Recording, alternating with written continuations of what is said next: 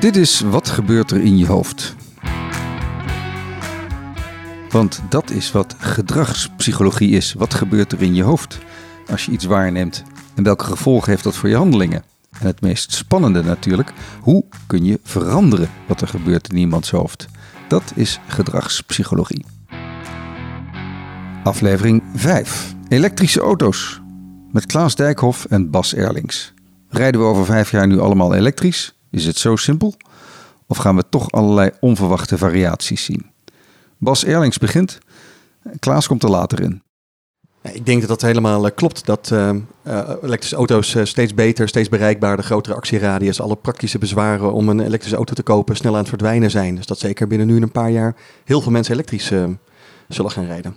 Maar ik denk ook dat, um, dat automerken die zich um, uh, onderscheiden, die, die uh, ofwel um, uh, snelle sportauto's maken of hele dure auto's, dat die een heel groot probleem krijgen, omdat ze zich bijna niet meer kunnen onderscheiden. Als jij met je Hyundai van 40.000 euro in twee seconden van 0 naar 100 kan en alles erop zit wat je maar kan bedenken, waarom zou je dan nog een auto van 200.000 euro verkopen? En als consument, hoe kun je dan nog onderscheiden van, van wat je, nou ja, kleding, auto, huis, dat zijn natuurlijk wel een paar van die middelen die echt iets vertellen over wie je bent en waarmee je probeert te onderscheiden van de rest. Hoe kun je dan nog ja, onderscheiden. dus dat is een hele grote uitdaging. Je kunt in een Bentley een stuk meer accu's kwijt. Dan kun je een stuk verder rijden. De actieradius wordt een stuk groter dan van een Hyundai. Zeker, maar in je Porsche uh, nog laten zien dat hij uh, dat die meer lawaai maakt, uh, harder de bocht door kan en sneller van 0 naar 100 gaat. Dat wordt heel veel moeilijker. Dus jij denkt dat de luxe merken het heel moeilijk gaan krijgen? Misschien zelfs verdwijnen? Nou, of er gebeurt iets anders. Een beetje wat je ook ziet, um, nou, bijvoorbeeld bij horloges. Op een gegeven moment kwam de kwartshorloge, die nauwkeuriger, lichter, goedkoper, beter was dan een mechanisch horloge. En toch blijven mensen mechanisch horloges, een gedeelte van de markt blijft mechanisch horloges kopen, omdat ze dat mooi vinden om zich te onderscheiden als een soort sieraad.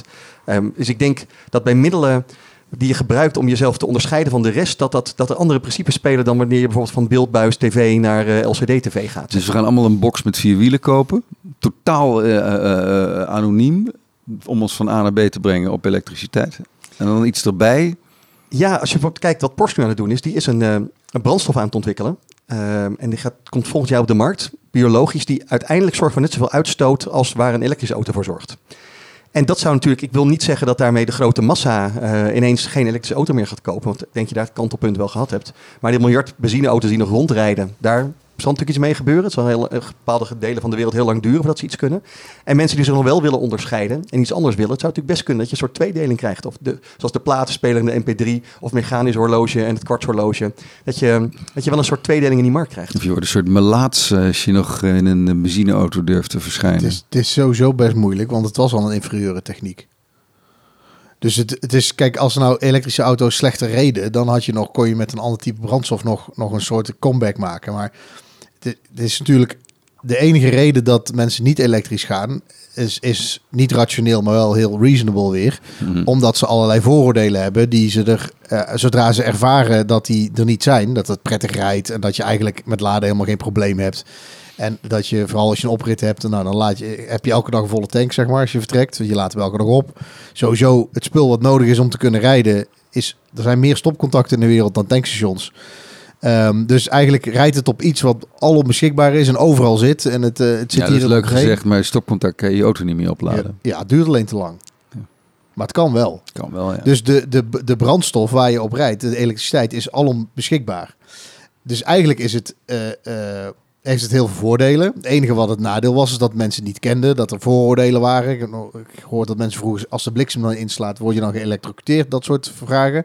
En uh, de, de range anxiety die er nog een tijdje was. Ja. Maar dat neemt, dat neemt sneller af dan je kunt nadenken. En uh, wat voor de grootste bottleneck is, het is allemaal techniek, het is allemaal secundair, is wat vinden de buren ervan en mijn vrienden ervan. En daar is gewoon een extreem grote omslag in een paar jaar geweest. Gewoon sneller nog dan beleidsmakers die hopen, die dachten we moeten heel veel moeite doen vanaf 2030 uh, alle nieuwe verkoop elektrisch te maken. Nou, je ziet de ene fabrikant naar de andere over elkaar heen buitelen om te, te strijden 2030, nee 2026.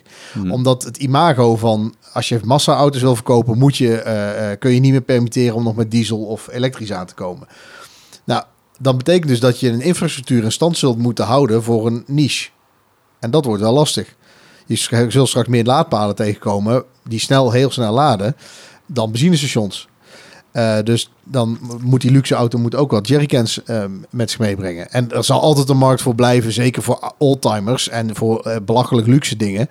Ehm, maar die ontwikkeling was natuurlijk al gaande. Je kon in een goedkope Koreaan alles al hebben wat je in een dure Duitser had. Alleen de, het badge, de, eh, de, het logo was anders en het Hmm. design. Nou, de laatste tien jaar hebben ze dat been al bijgetrokken. Als je mensen zonder het logootje laat kiezen welke auto het is, wordt het steeds moeilijker om te zien. Ah, dat is echt, dat is een, Korean knock-off. Eh, eh, en met elektrisch gaat het nog makkelijker, omdat je veel minder hoeft te kunnen om zo'n auto te maken. Er zijn nu Chinese modellen van bedrijven die drie jaar geleden bij de Kamer van Koophandel zijn ingeschreven. En die maken nu al auto's die mee kunnen met de normale kwaliteitsstandaard. Dus luxe is gedemocratiseerd. Iedereen kan luxe rijden. Iedereen kan leren eh, bekleding hebben. Of nep leren, wat nu dan meer in is. Dus verantwoorder. Dus er zal echt wel weer een luxe ding komen. Er Ja, ja. kopen mensen Louis Vuitton tassen nu ook. Ja. Eh, terwijl een rugzak die niet, niet een betere tas is dan een gewone rugzak. De Bugatti is toch net gekocht door een elektrische automaatschappij? Ja, een Tsjech of Rimac. zo, hè? Ja. Ja. Samen met Porsche. Die is daar volgens mij ook weer eigenaar van. Hm. Oké, dus dat is de conclusie. Iedereen elektrisch en eh, de, de luxe merken krijgen het heel moeilijk. Zullen iets moeten, ja. Nou, die zullen op een andere manier eh, hun waarde moeten eh, vergroten. Je kunt niet meer, niet, inderdaad niet meer nog een paar cilinders erbij doen of sneller optrekken. Nee, maar er zit toch wel een ander kantje aan, al die rationele. En dat is natuurlijk wel... Het, het heeft natuurlijk iets spectaculairs. Eh, je, je, je koopt zo'n zo'n dure auto om je te onderscheiden. Om een auto te starten en dat de hoofden draaien, zeg maar. En niet dat je... Ik ben heel benieuwd hoe de Taycan-rijders het beleven in die auto. Ik geloof wel dat ze nog proberen te laten klinken als een benzinemotor. Er worden laatst dat je langs. Ik denk, hé, die zijn aan het roffelen. Op de een of andere manier, terwijl het een elektrische auto was. Dus ergens zul je iets moeten, zeg maar, om voor mensen om zich nog te onderscheiden en nog veel geld uit te geven. En ik ben heel benieuwd wat de autofabrikanten daarop gaan verzinnen. Ik denk dat je een vergelijking kunt trekken met heel veel andere ehm, producten waarbij het verschil ooit, en niet eens zo heel lang geleden, twee, drie generaties in kwaliteit. En nu totaal niet meer. Neem schoenen. Gelukkig hoeft er niemand meer op slechte schoenen te lopen. Eh, Ik wil, eh, hoef niet heel ver terug te gaan in die familie en je hoort nog vragen, we hadden geen geld voor goede schoenen. Je liep je voeten erop kapot. Waar betalen nu mensen belachelijk veel schoenen, belachelijk veel geld voor, voor eh, limited edition drops in col- collaboration met een ander luxe merk. Dus een combinatie. Dus als jij nog steeds een hele dure Bentley wil verkopen met leer met Louis Vuitton print, ik zou niet weten waarom je erin wil rijden. Maar er is een markt voor. Je kunt niet zeggen dat het niet exclusief is als je erin gaat rijden. Vroeger waren het doodgeknuppelde zeehondjes en fox, fox nertsen. Nou, dat kan ook niet meer. Er, vindt, er is altijd wel een nieuwe manier waarin we eh, eh, iets vinden voor veel mensen met veel te veel geld dat ze er een uit willen geven om te laten zien: kijk, ik heb dit, ik kan dit betalen. En dat kun je met auto's ook doen, want eh, in auto's kun je ook een eh, de Mercedes eh, die weer een analoge klok er altijd in hadden. Nou, daar kan ook een Rolex in. In je dashboard. Dan kun je op allerlei manieren kun je het status, gevoeligheid en het imago blijven doen. Misschien moet je wel de andere kant op. Misschien wordt die auto in plaats van dat hij nog wel klinkt als een auto, wordt hij nog stiller. Misschien zit er wel noise cancelling in je interieur met de, met de speakers, waardoor je nog, nog minder hoort, waardoor het nog comfortabeler rijdt. Misschien moet je juist met je luxe merk niet eh, zeggen, nou, onze auto lijkt nog heel veel op een ouderwetse auto. Ik, reed vandaag was zo'n zo'n Lamborghini, maar dan zo'n SUV-achtige. Die trok op.